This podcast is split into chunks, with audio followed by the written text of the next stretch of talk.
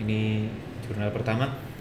Jadi eh, di jurnal ini saya bakal mengajak teman-teman saya ya random lah siapa pun yang menurut saya punya kompetensi di bidangnya bakal saya ajak untuk membahas topik-topik menarik menurut saya. Ya lah suka-suka saya acara-acara saya.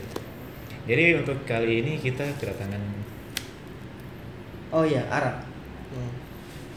Ara. Dari HI angkatan 2015. Ya, teman sejurusan saya.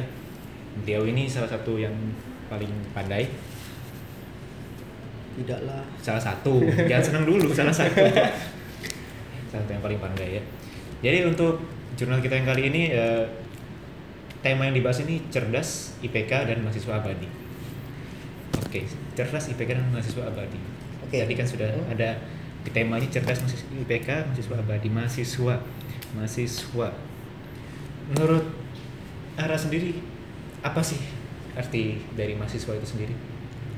Mahasiswa itu kalau menurutku pribadi suka di, dijadiin dua aja. Maha itu berarti gede, siswa itu ya berarti yang masih belajar. Berarti adalah individu yang masih belajar di tingkat yang lebih lanjut Ya. dari high school atau dari SMA. Hmm. Itu mahasiswa. Untuk mahasiswa menurut Ara. Ayo. Sebenarnya menurutku pribadi juga ya nggak beda jauh lah karena ya pengertian dan kata itu pun bisa Oh. jadi mahasiswa ya karena yang dijelasin Hmm. Ara tadi. Cuman kan eh, entah kenapa mungkin dalam masyarakat kita pandangannya itu mahasiswa itu seakan jenjang paling jenjangnya itu dari SD, SMP, SMA, Hmm. mahasiswa. Oke.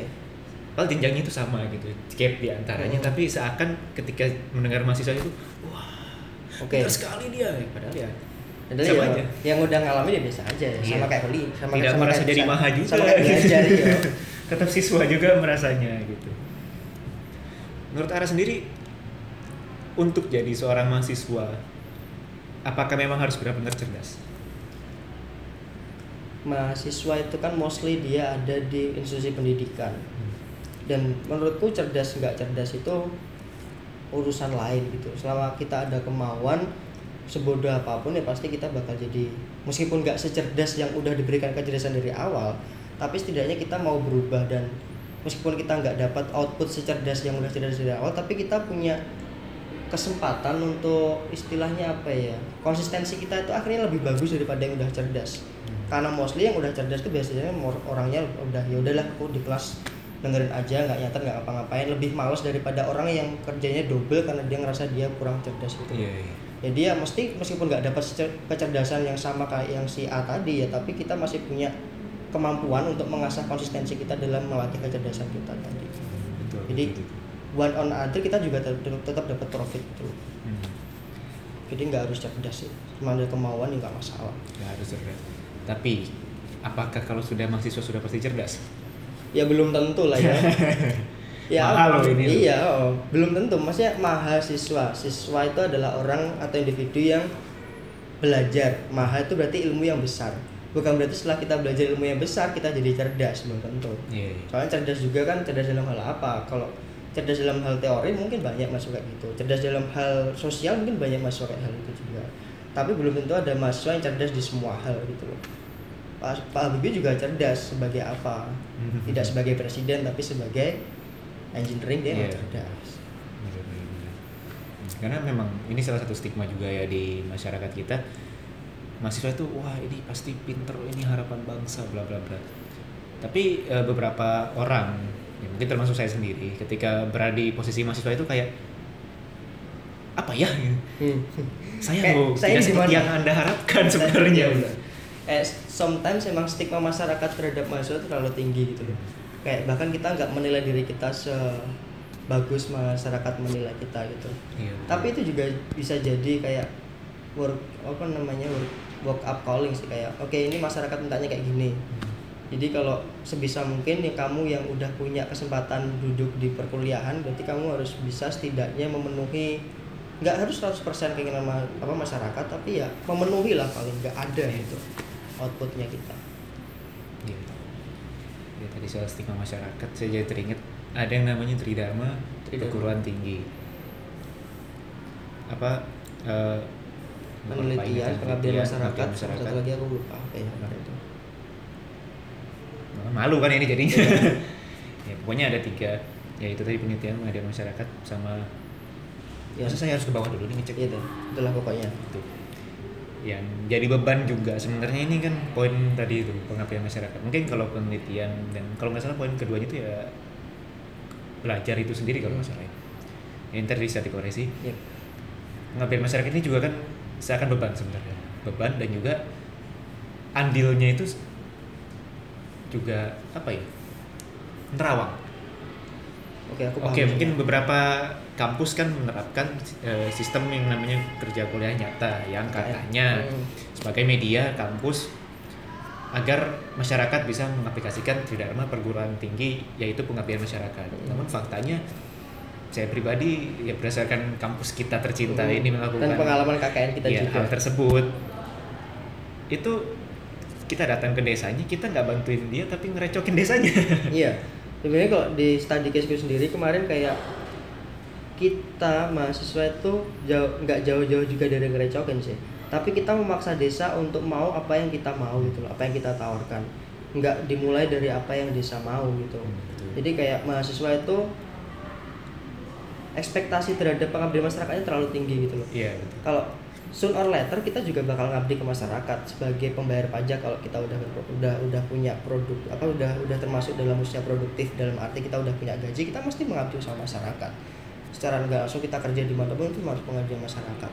Tapi di lingkungannya mahasiswa ketika kita ditaruh di tempat KKN dengan apa namanya sebelum kita berangkat kan kita dikasih ujangan kayak apa apa gitu. Iya, iya. kita dikasih buat proposal dan kawan-kawan sebenarnya itu adalah hal yang kebalik sih. Kalau misalnya memang mau bener-bener kita fit in di masyarakat dengan status kita mahasiswa bukan sebagai pekerja yang hubungannya kontraktual ya berarti kita harus buat proposal itu setelah kita tahu lapangannya. Hmm, kalau di tempatnya kita kan kita suruh buat proposal dulu. Baru tahu. ya ya otomatis kita nulis proposal seideal mungkin dong. Dan kita juga tahu kalau realita di realita di lapangan itu nggak mungkin seideal. Bahkan setipis ideal pun aja udah ideal gitu loh apalagi dengan mahasiswa yang secara by nature kita udah idealisme gitu udah udah udah, udah idealistis dari awalnya. Memang kita dibentuk untuk seperti itu. Ya, otomatis antara kita di reject sama desanya alias ngericui atau kita tetap memaksa desa untuk mau apa yang kita mau gitu loh. Betul betul. Jadi ya agak gak efektif aja sih sebenarnya. Bukan KKN-nya yang gak efektif tapi metode penerapan Hmm, KKN-nya yang nggak aplikasikannya itu kan ya saya juga ngerasa ya mungkin merecoki mungkin terlalu kasar Mm-mm. gitu ya. tapi kayak yang punya desa itu bingung ini anak mau ngapain Mm-mm, bener, ini kita anak juga mau ngapain? kita mau ngapain kalau gitu. tiba-tiba datang gerudukan kayak gini terus mau ngapain Iya.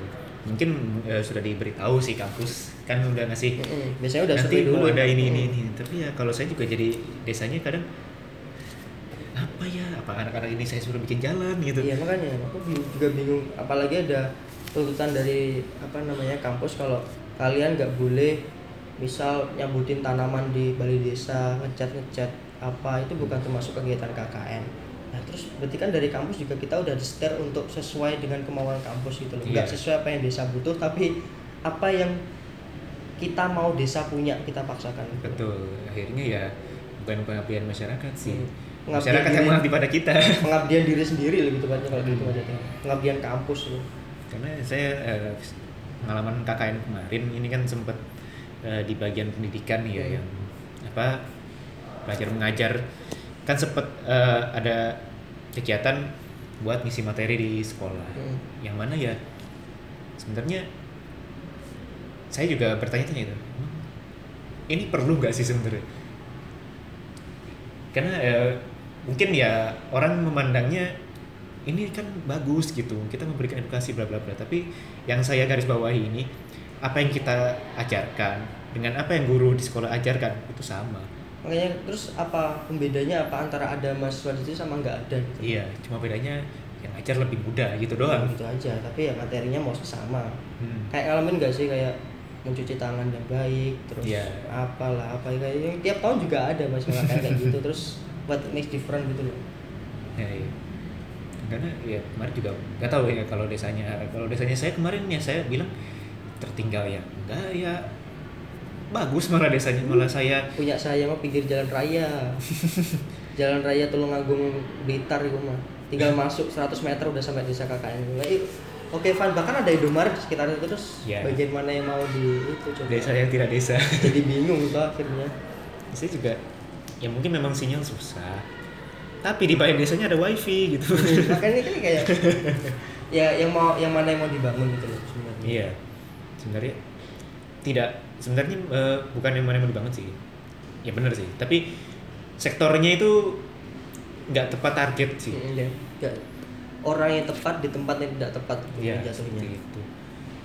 ya akhirnya ya nggak jalan aja Apa ya? Memang tidak efektif sih. Ya ini sekedar info sih kalau di kampus kita ini eh, kuliah kerja nyata itu sebuah kewajiban. kewajiban Yang mana dari entah itu kamu jurusan sosial, ekonomi, teknik, semuanya semua tabrak itu semuanya. semua harus ikut Hmm. kuliah kerja nyata. Yang mana kan nggak semua desa atau tempat itu ya sekarang anak sosial misalnya di desa ini butuhkannya banyak anak teknik ngapain dia Jadi tiba-tiba bener jadi kayak balik lagi contohnya Pak Habibie. Pak Habibie itu orang orang cerdas mahasiswa cerdas. Tapi ketika ditempatkan di posisi presiden dia nggak efektif sebagai orang Iya. cerdas. Sama juga kalau di apa di desa kayak gitu.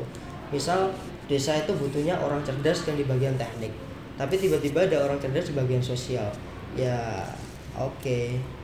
Kayak Iya. nggak ada yang terjadi gitu. Akhirnya orang yang tepat di tempat yang salah gitu loh. Nah, sering terjadi Hmm. masalahnya jadi emang efek juga sama mahasiswa cerdas kayak gitu Iya. Hmm. Dan tidak bisa dipungkiri sih. Kalau saya kadang melihat mungkin ini nggak tahu ya mungkin kalau di kampus yang lain di kampus kita ini kalau saya merasa ya mahasiswa cerdas itu ini terlepas dari cerdas akademisi ya mungkin dia eh, organisasi atau olahraga dan dan lain-lainnya terkadang kurang diapresiasi Hmm. kalau menurut saya kayak mungkin eh, dia pandai ya kan kalau mahasiswa atau SMA kan debat yang Hmm. suara dan lain-lain. Pintar tapi kampus atau universitas fakultas ataupun jurusan kurang memfasilitasi terkadang. Mm-mm. ada bakat tapi dibiarkan atau ya anaknya disuruh jalan sendiri. Tapi ketika sudah memberikan kebanggaan ada kampus ada mengklaim. tiba-tiba datang dia. Iya kampus mengklaim begitu saja gitu. iya. ya ini enak sekali hidupnya gitu. Ya namanya juga kampus. Kita udah bayar terus habis itu kita belajar berdarah-darah di dalam kita lomba kita berangkat sendiri kita dapat achievement mereka datang. Iya. Maksudnya oke nggak Iya, yang cerdas kerja yang di dalam sebenarnya. Hmm, serasa buruh iya. Aduh jangan ngomongin buruh deh sensitif nanti. Hmm? itu tapi berbicara soal mahasiswa ini tidak akan jauh dari momok indeks prestasi. Hmm. Atau IPK dan se- sebenarnya sejak 2000 atau mungkin 90 menuju 2000 ini standar yang dibutuhkan itu IPK 3, Hmm. sedangkan kalau saya eh, dengar mungkin dari berbagai macam sumber ini saya dari ibu saya sendiri mendapatkan IPK mungkin karena teknik juga kali ya IPK 2, saja itu sudah. Suatu kebanggaan. Karena memang sangat sulit mencari nilai pada masa itu. Tapi sekarang ya karena saya juga kadang pengalaman pribadi, ya saya tinggal datang. Ya urusan mendengarkan tidak mendengarkan itu ya kita lihat di akhir kelas. Hmm. Ya datang ujian pun ya setahu saya ya saya baik-baik saja gitu. kayak gimana ya jatuhnya antara kita yang tambah pandai tapi pelajarannya tambah biasa atau pelajarannya tambah susah atau kita nggak bisa ngikutin gitu aja Gitu. Benar. sebenarnya cuma itu aja Kem- kemungkinan cuma dua mungkin karena standar pendidikannya tetap seperti kayak Iya. mamahmu tapi kita tambah pandai Iya. atau mungkin karena kita udah capek banget kita nggak bisa ngikutin karena pelajarannya tambah susah gitu aja Nah. sih sebenarnya itu dia dan apa ya IPK indeks ya ada yang bilang nilai itu tidak membuktikan segalanya Mm. tapi ketika kita realistis nggak ada nilai kita nggak bisa cari kerja Nah, ini masalah hubungan mahasiswa cerdas linear sama IPK sih sebenarnya. Kalau mahasiswa cerdas dalam hal kognit, apa namanya akademis ya otomatis dia linearnya pasti dia punya IPK yang bagus. Masalahnya adalah ketika mahasiswa yang udah punya niat untuk memperbaiki akademisnya, tapi dia kayak udah minder karena IPK-nya nggak bagus-bagus. Terus mungkin dia banting setir belajar di kemahasiswaan apa belajar di keorganisasian mahasiswa kayak gitu yang membuat gak adil itu adalah ketika ada IPK untuk akademis terus aku aku pribadi mikirnya kenapa nggak ada indeks prestasi yang menilai khusus kinerja mahasiswa-mahasiswa yang ada di keorganisasian gitu loh Iya, iya. jadi emang IPK untuk semua mahasiswa emang penting tapi ketika ada mahasiswa yang mungkin IPK-nya jatuh karena dia ada di kemahasiswa apa, apa di, di, di keorganisasian mahasiswa menurutku ya patut diapresiasi harus ada nilai-nilai standar khusus untuk mahasiswa yang terlibat aktif dalam hal itu Hmm. jadi kalau emang dia kelihatan pinter banget di keorganisasian juga biar kelihatan kalau dia emang udah nggak kelihatan pinter di akademis tapi juga nggak kelihatan pinter di organisasi ya mungkin dia bisa cari penembusan tempat lain karena Iya. dua bidang itu bukan bidangnya berarti betul itu mungkin memang masalah di semua tempat kan. Iya. memang eh, IPK yang merepresentasikan hasil belajar kita selama kan tiap semester selalu berbeda. Itu dijadikan tolak ukur segalanya. Iya makanya kayak ya udah kalau kamu IPK-nya bagus berarti kamu pinter berarti masa depan bagus. Ya nggak tentu juga. Iya. banyak orang IPK-nya banyak apa banyak banyak orang IPK-nya bagus terus dia lulus nganggur juga banyak. Berarti kan stigma yang ngomong kalau IPK anak cerdas IPK bagus kerja mudah kan nggak nggak benar gitu betul itu tapi sampai detik ini masih menjadi stigma di beberapa orang tua Iya. Karena Iya, mungkin ya karena orang tua kan nggak ngerti sih, ini bukan mendiskresikan orang tua, tapi tontonannya mereka dulu kan sidul. iya sidul iya itu bisa ngangkat derajat orang tua karena dia pergi kuliah. Hmm.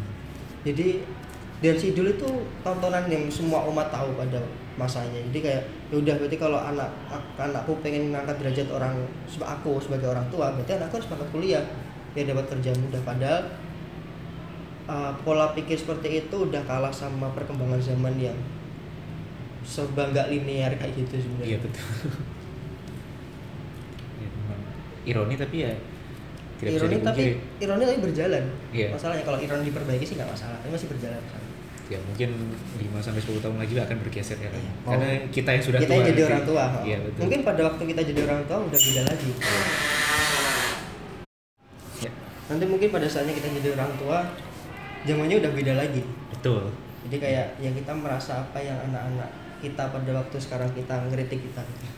Ngerti sih, kali itu posibilitasnya mungkin gitu aja. kayaknya memang eh, berlanjut terus zamannya bakal seperti itu terus sih Hmm. ya, kayak mungkin pada saat orang tua kita jadi anak kita dia mereka memandang orang tua mereka itu kok seperti ini sih aku nggak mau jadi orang tua Hmm. seperti ini tapi ketika dia punya anak zamannya sudah berubah lagi Kesempurnaan harus diupdate berarti. iya tapi ya memang generasi X, Y dan milenial ini Iya. sulit lah tidak bisa bertemu ya mau gimana lagi emang zamannya mesti beda. Iya. Balik lagi IPK. Karena memang eh, gak bisa dipungkiri orang tua saya juga dari awal semester sampai sekarang selalu mewanti-wanti dan pertanyaannya kadang eh, selalu terselip. Dan selain dari kabar, udah ini atau apa, IPK kamu berapa? Waduh. Iya sebenarnya ibuku sih yang paling strict masalah IPK gitu. Karena dia dulu juga kuliah, tapi dia hampir hampir kena sakom gitu loh, hampir satu koma dua dua kayak gitu mentok-mentok. Terus dia akhirnya punya obsesi untuk nuntut anaknya punya IPK yang bagus terus. Jadi ketika ada sebuah masa di mana satu semester itu ada nilai BMIN dan satu-satunya BMIN dalam perkuliahan, terus akhirnya kayak apa ini nilai BMIN kayak gitu, oke fine, kayak ya aku nggak ngerti sih. Maksudnya semua orang berkata kalau yang dihargai itu prosesnya. Iya.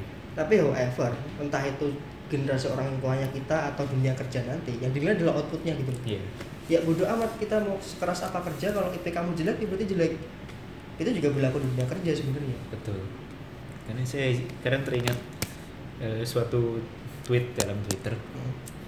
ya kalau nggak salah orangnya bilang gini untuk kalian yang kerja keras tapi gajinya kurang jangan sedih ingat di luar sana banyak yang kerjanya Iya. gampang tapi gajinya lebih besar Iya. kayak oke fine kayak ya, ya itu emang fakta sih. Iya.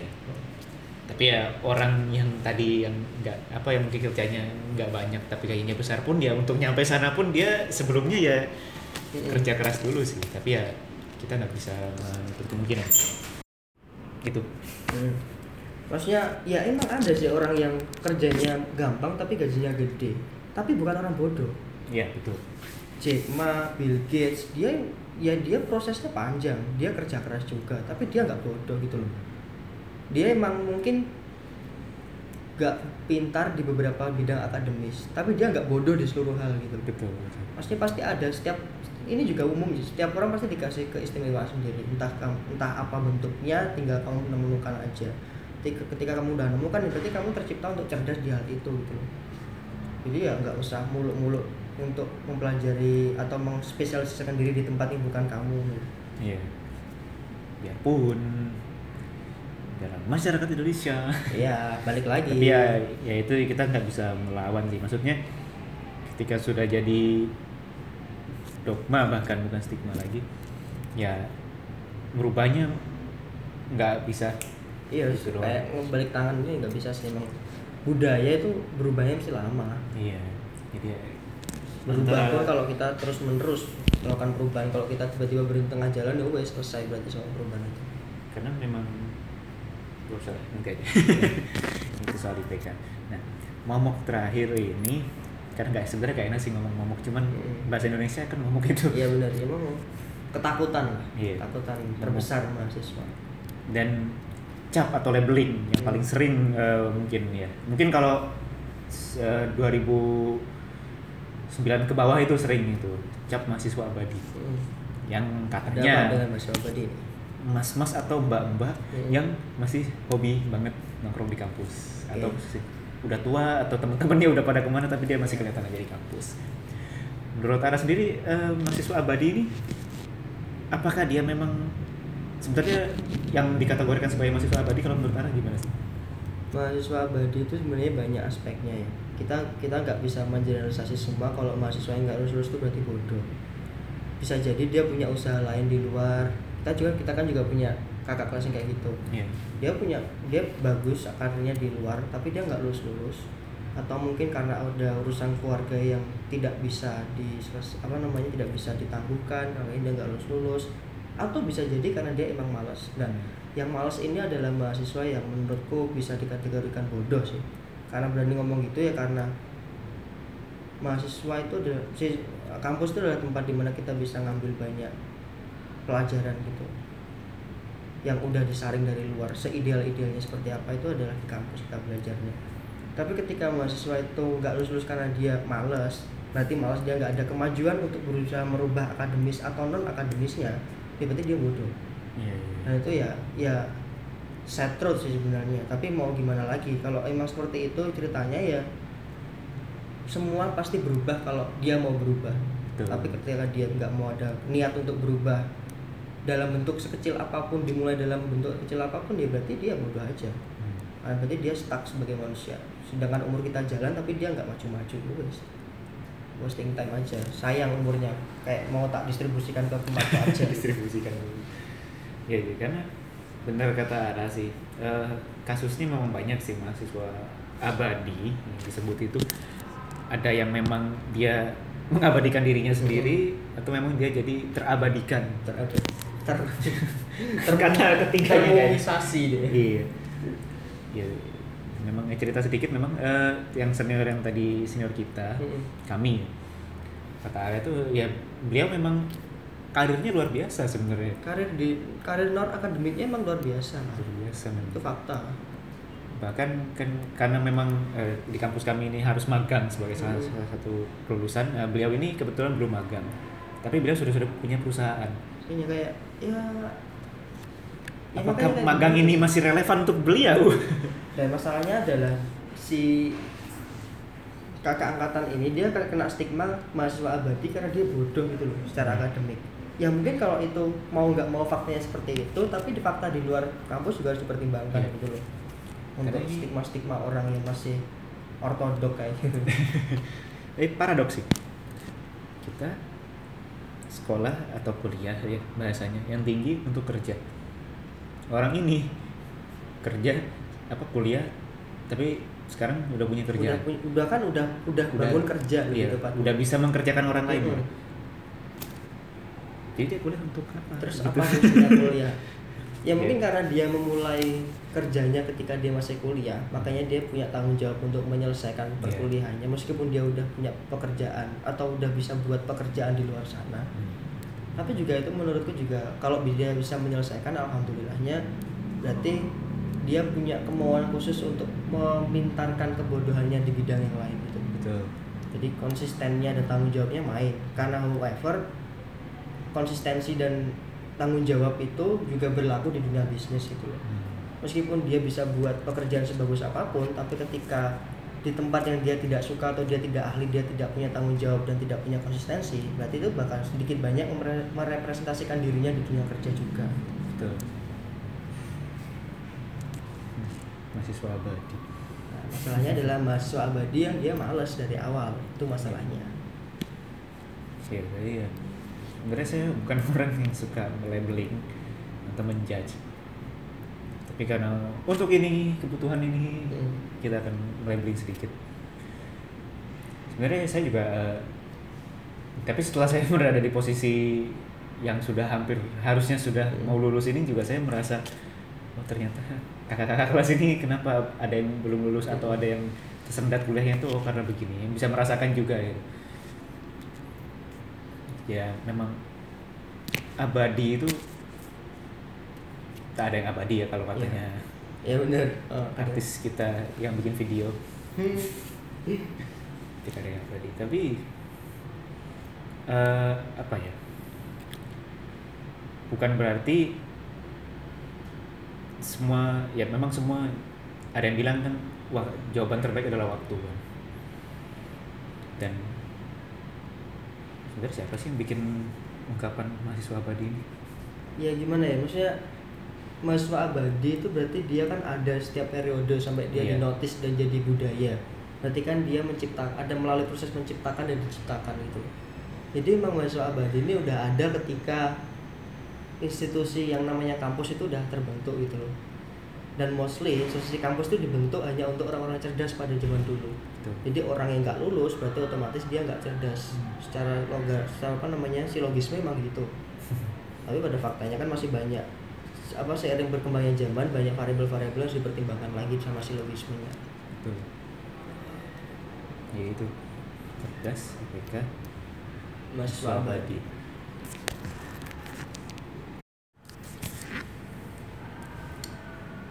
Tapi kalau iya sih sebenarnya eh, aku pernah ngobrol kan sama nggak ngobrol sih mungkin lebih tepatnya ditanya sama ngomong Adik, gimana kuliahmu? Ya gini gini aja om gini gini gini oh.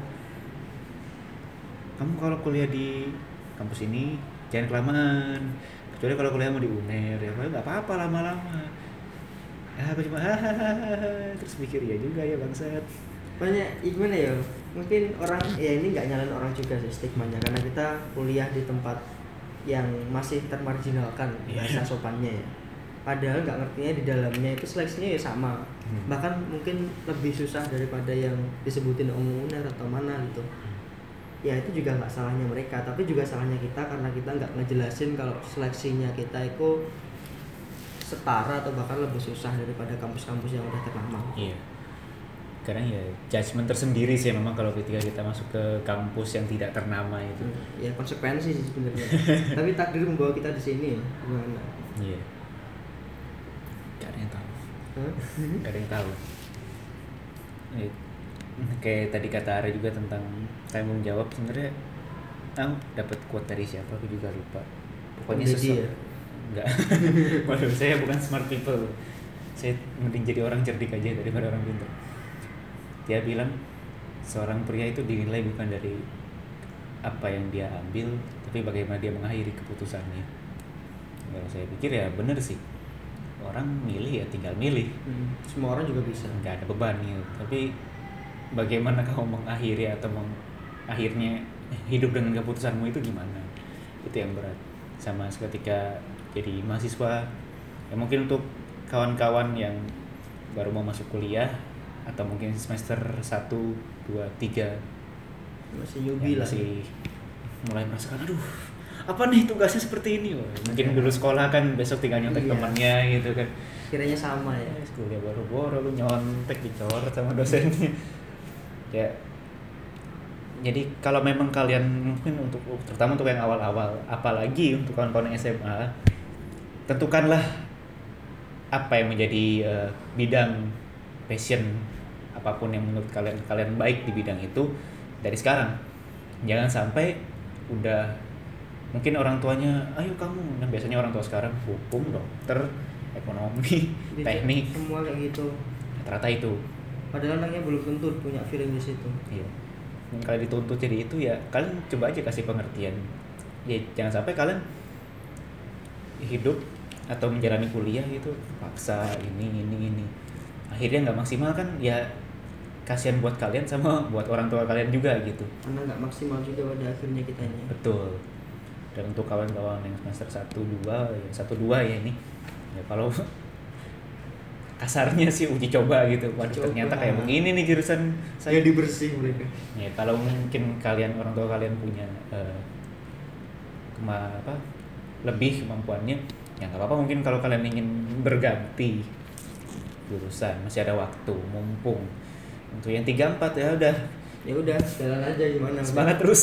Udah setengah basah ya Iya. basah aja sekalian. Udah semangat terus lah. Susah itu cuma nyampe 6 ya rata-rata ya. Iya kayak eh gue bener-bener berdarah-darah banget. Itu bener-bener di terbentur terbentur terbentur. Iya. beneran bener terbentur kan? Tapi nanti kalian 78 udah terbentuk seenggaknya. Kalian terbentuk udah untuk terbentur lagi sebenarnya. Iya sih. Iya. seenggaknya ya untuk keluar dari neraka ini kalian sudah tahan lah. itu memang paling berat. Iya. 56 itu savage. Yes, bener-bener. Ibarat kita main game itu easy, medium, hard, expert, veteran Iya, ini. veteran ya. Bener-bener semester maksudnya veteran. Ya manajemen konsekuensi lah. Iya. kalau kamu nggak cerdas di bidang akademis coba nyari di paling dekat di kampus tuh apa yang paling paling bisa diakses ya. Berarti di organisasi kalau kamu nggak cerdas di situ cari tempat lain banyak banyak banyak variabel bisa dicoba di kampus punya Iya. UKM UKM entah itu UKM drama paduan suara pasti ada salah satu setiap kita tuh pasti dikasih kelebihan dalam bentuk apa pun entah itu jahat entah itu buruk semuanya pasti ada kelebihannya Betul. Dan itu juga sih bener apa? Ketika kalian kuliah, ya, kalau saya pribadi sih ya itu keputusan kalian kalau kalian cuma mau kuliah pulang ya sebenarnya nggak masalah Itu nggak kalian masalah. ahli atau setidaknya Hmm.